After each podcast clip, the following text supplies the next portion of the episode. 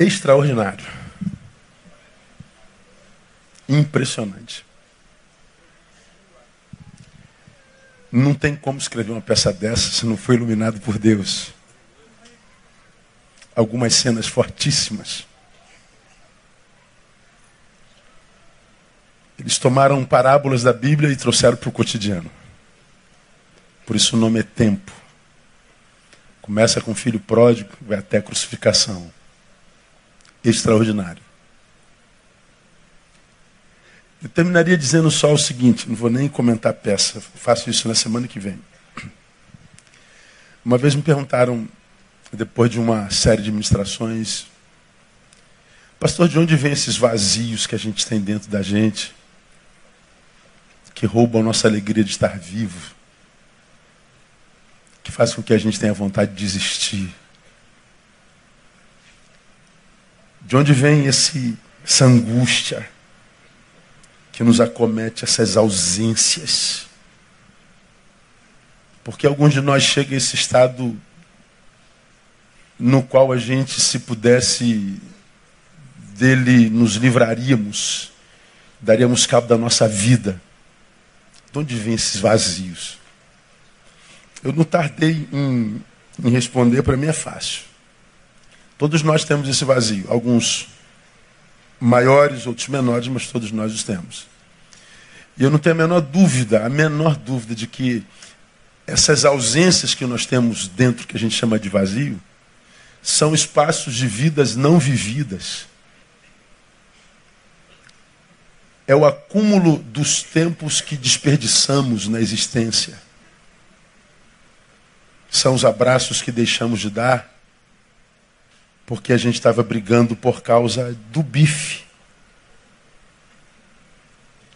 É o sorriso que a gente deixou de dar porque você não deu like na minha publicação. Esses vazios são as caminhadas que nós deixamos de dar e que nas quais trocaríamos vida através do diálogo profundo, mas nós nem caminhamos nem dialogamos porque nós estávamos tomados por alguma magoazinha besta. Essas ausências são a mão que nós recolhemos diante de tanta gente caída para quem nós podíamos estendê-la. É gente que a gente deixou de colocar em pé por pirraça, por maldade, por orgulho. Essas ausências são produtos de vidas não vividas que não foram vividas só porque nós estávamos, por demais, ocupados com a nossa imagem, tentando vendê-la no Facebook, compartilhando uma felicidade que não existe. E se existe, não é tão grande quanto aquela que se publica. São vazios que nos acometeram porque nós fizemos opção por essa mentira, ao invés de mergulharmos na verdade, que talvez dolorosa, e que por isso não pode ser publicada, mas que se nela mergulhássemos, talvez a sua cronologia seria minorada.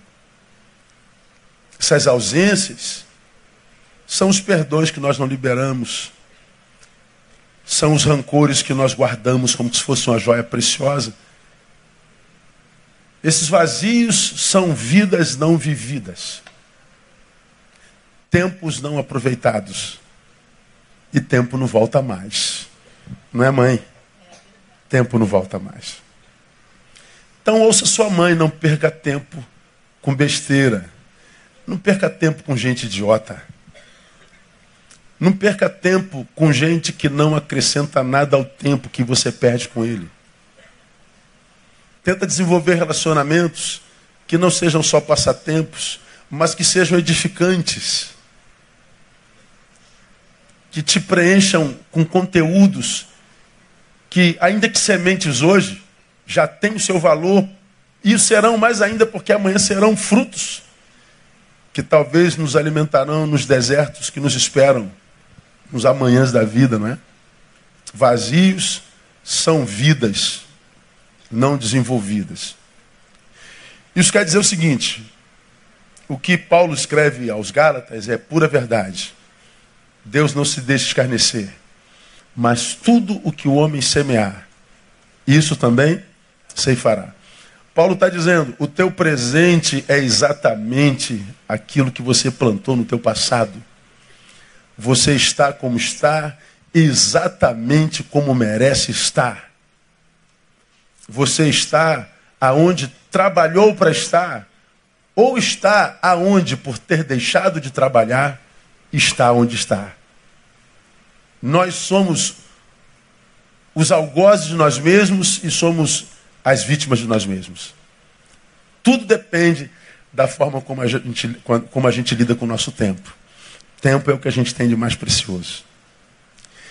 Eu tenho plena certeza que muitos de vocês, ou de nós, nos identificamos com algum desses personagens. E alguns de nós, os mais honestos, olhando para essa peça, dizemos: Meu Deus, quanto tempo eu perdi na minha vida com bobagem. Quanto tempo eu perdi com rancores, com mágoas. Quantos tempos da minha vida eu perdi carregando ódio, vontade de vingança, ira. Quanto tempo na minha vida eu fui um depósito de indiferenças. Quanto tempo na minha vida eu gastei com a minha imagem, vendendo essa imagem que não é verdadeira. Quanto tempo eu vivi para mim mesmo, para mim mesma. E hoje eu estou aqui. De repente, como aqueles que, tendo tudo, mesmo tendo tudo, estão distante ou diante de um tudo que não vale de nada. Tem tudo, mas o que eles têm de mais contundente e em maior quantidade é o vazio. É aquele quando tudo não basta, né? eu tenho tudo, mas continuo vazio. Essa é a pior de todas as angústias. Porque para quem tem ausência de algumas coisas, essas ausências talvez respondam por que nós temos tantos vazios. Agora, como é que se responde o vazio de gente que tem tudo? De gente que tem dinheiro, de gente que tem casa, de gente que tem família, de gente que tem filho lindo, de gente que tem filho estudado, de gente que tem fé. Como que se explica esse vazio gigante que essa gente carrega? Pois é, vida não compartilhada. Para nós que somos religiosos, ou para vocês que são religiosos, eu queria desafiá-los a pegar a segunda parábola do bom samaritano. Quando um travesti espancado produz sorriso da plateia. É a mais pura verdade. Nós somos uma sociedade que aprendemos a rir da desgraça alheia. E os sorrisos que são produzidos em nós a partir da desgraça alheia são os mesmos sorrisos que se transformarão em lágrimas no futuro. Quem ri de desgraça chora sem graça no amanhã que lhe espera. Guarda isso no teu coração. E nós, como religiosos, precisamos aprender como o samaritano, que é o que não crê em Deus, que é o que não gosta de crente, como a gente, que é o que não suporta templos e nem a hipocrisia dos que carregam Deus na boca, mas não carregam Deus no coração. É possível que, para que essa geração seja restaurada, a gente tenha menos crentes e mais samaritanos. Porque o que Deus quer é misericórdia, que é o que está faltando na nossa geração. Então, meu irmão, que cada um de nós vá para casa é, refletindo sobre o que a gente viu, porque essa foi uma das melhores mensagens que nós já vimos pregadas no nosso púlpito esse ano, foi essa peça, e que cada um de nós pratique Vira, vira esse espelho para cá. Ó. Que a gente chega lá no, em casa, olha para esse bagulhinho aqui, olha no espelho e pergunte aí, cara, o que, que você tem feito da sua vida? Porque você é exatamente o que você trabalhou para ser. E a única forma de mudar o que se é é produzir um outro trabalho, um trabalho diferente do que a gente tem feito hoje. Muito obrigado a vocês. Que honra, que orgulho, que, que coisa linda saber que tem gente que ouve a gente, né? Que eu me identifique muito do que vocês falaram, usaram algumas coisas minhas que vocês ouviram daqui. E é bom saber que tem pelo menos um ou dois que me ouvem aqui nessa igreja. Aleluia, louvado seja o nome do Senhor. Quantos foram abençoados por eles? Aplauda o Senhor bem forte, mas muito forte. Mas muito forte, muito forte. Parabéns. Parabéns, Parabéns. Muito bom. Muito bom. Muito bom, muito bom, muito bom. 17 anos, são uma criança ainda, né? Imagina quando ficarem adultos. A partir do ano que vem, quando fizerem 18 anos, né? Que Deus abençoe vocês com toda, toda, toda sorte de bênçãos em nome de Jesus. Vamos encerrar o culto aqui. Querem falar alguma coisa? Dizer mais algo? Não? Vamos ficar em pé e vamos orar e vamos embora para casa. Primeiro, dá um abraço no irmão que está do seu lado. Profetiza uma boa semana para ele no nome de Jesus. E que o Senhor te encha de vida e que você não desperdice mais vida para que o teu vazio não te consuma e o teu vazio te destrua. Vamos orar e vamos embora para casa. Chega aqui, Bronço. Abraçando o Bronço, eu estou abraçando vocês todos, viu? Bronço é um sobrinho e eu louvo a Deus pela sua vida e pela vida da sua equipe. Deus abençoe vocês. Vamos orar, curva a sua cabeça. Pai, nós te louvamos por essa experiência linda que passamos aqui na tua casa. Tivemos uma experiência linda com o Senhor de manhã, no testemunho de Manari, no lançamento da campanha Seja Família para alguém nesse Natal. E te louvamos porque o Senhor tem feito da tua igreja uma igreja útil, Pai. Porque tu sabes que nós somos uma igreja que não busca prazer, nem conforto, nem fama, nós buscamos utilidade. Nós queremos ser úteis. Queremos um mundo para cada um de nós que seja maior do que o nosso umbigo. Um mundo que vá além de nós mesmos. Um mundo onde o si mesmo seja negado para que a glória seja do teu nome. Obrigado pelo que vimos de manhã. Obrigado pelo que vimos agora à noite. Uma análise sobre o tempo brilhante. Uma aula, ó Deus, de vida que, se entendida por quem é discípulo, não poderia ser melhor. Te agradecemos, ó Deus, porque temos aprendido através desse ministério. Te agradecemos pelo que tu tens plantado em nós como vida praticada e te pedimos perdão pela vida desperdiçada. Vida desperdiçada que hoje se manifesta em nós com esse vazio que muitos de nós conhecem, alguns em maior e menor escala.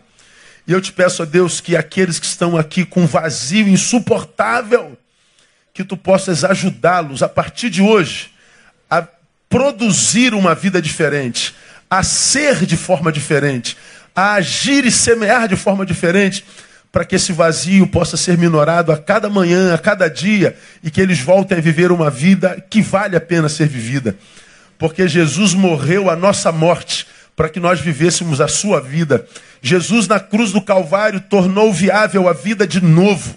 Ele veio para que a nossa vida fosse abundante, uma vida cheia de vida todo dia, o dia todo. E nós te louvamos porque isso não é utopia, isso é verdade. Por isso, ó Deus, eu te peço, toma os teus filhos que estão aqui, ainda que com essa aparência linda, ainda com essa beleza física, ainda que com a conta bancária, ó Deus, equilibrada, mas todavia vazia, oca por dentro. Que essa noite seja uma noite de recomeço Seja uma noite, ó Deus, de novos inícios. Seja uma noite de milagre e que o tempo seja de novo ressignificado. Nós abençoamos a tua igreja nessa, nessa noite e profetizamos uma semana diferente.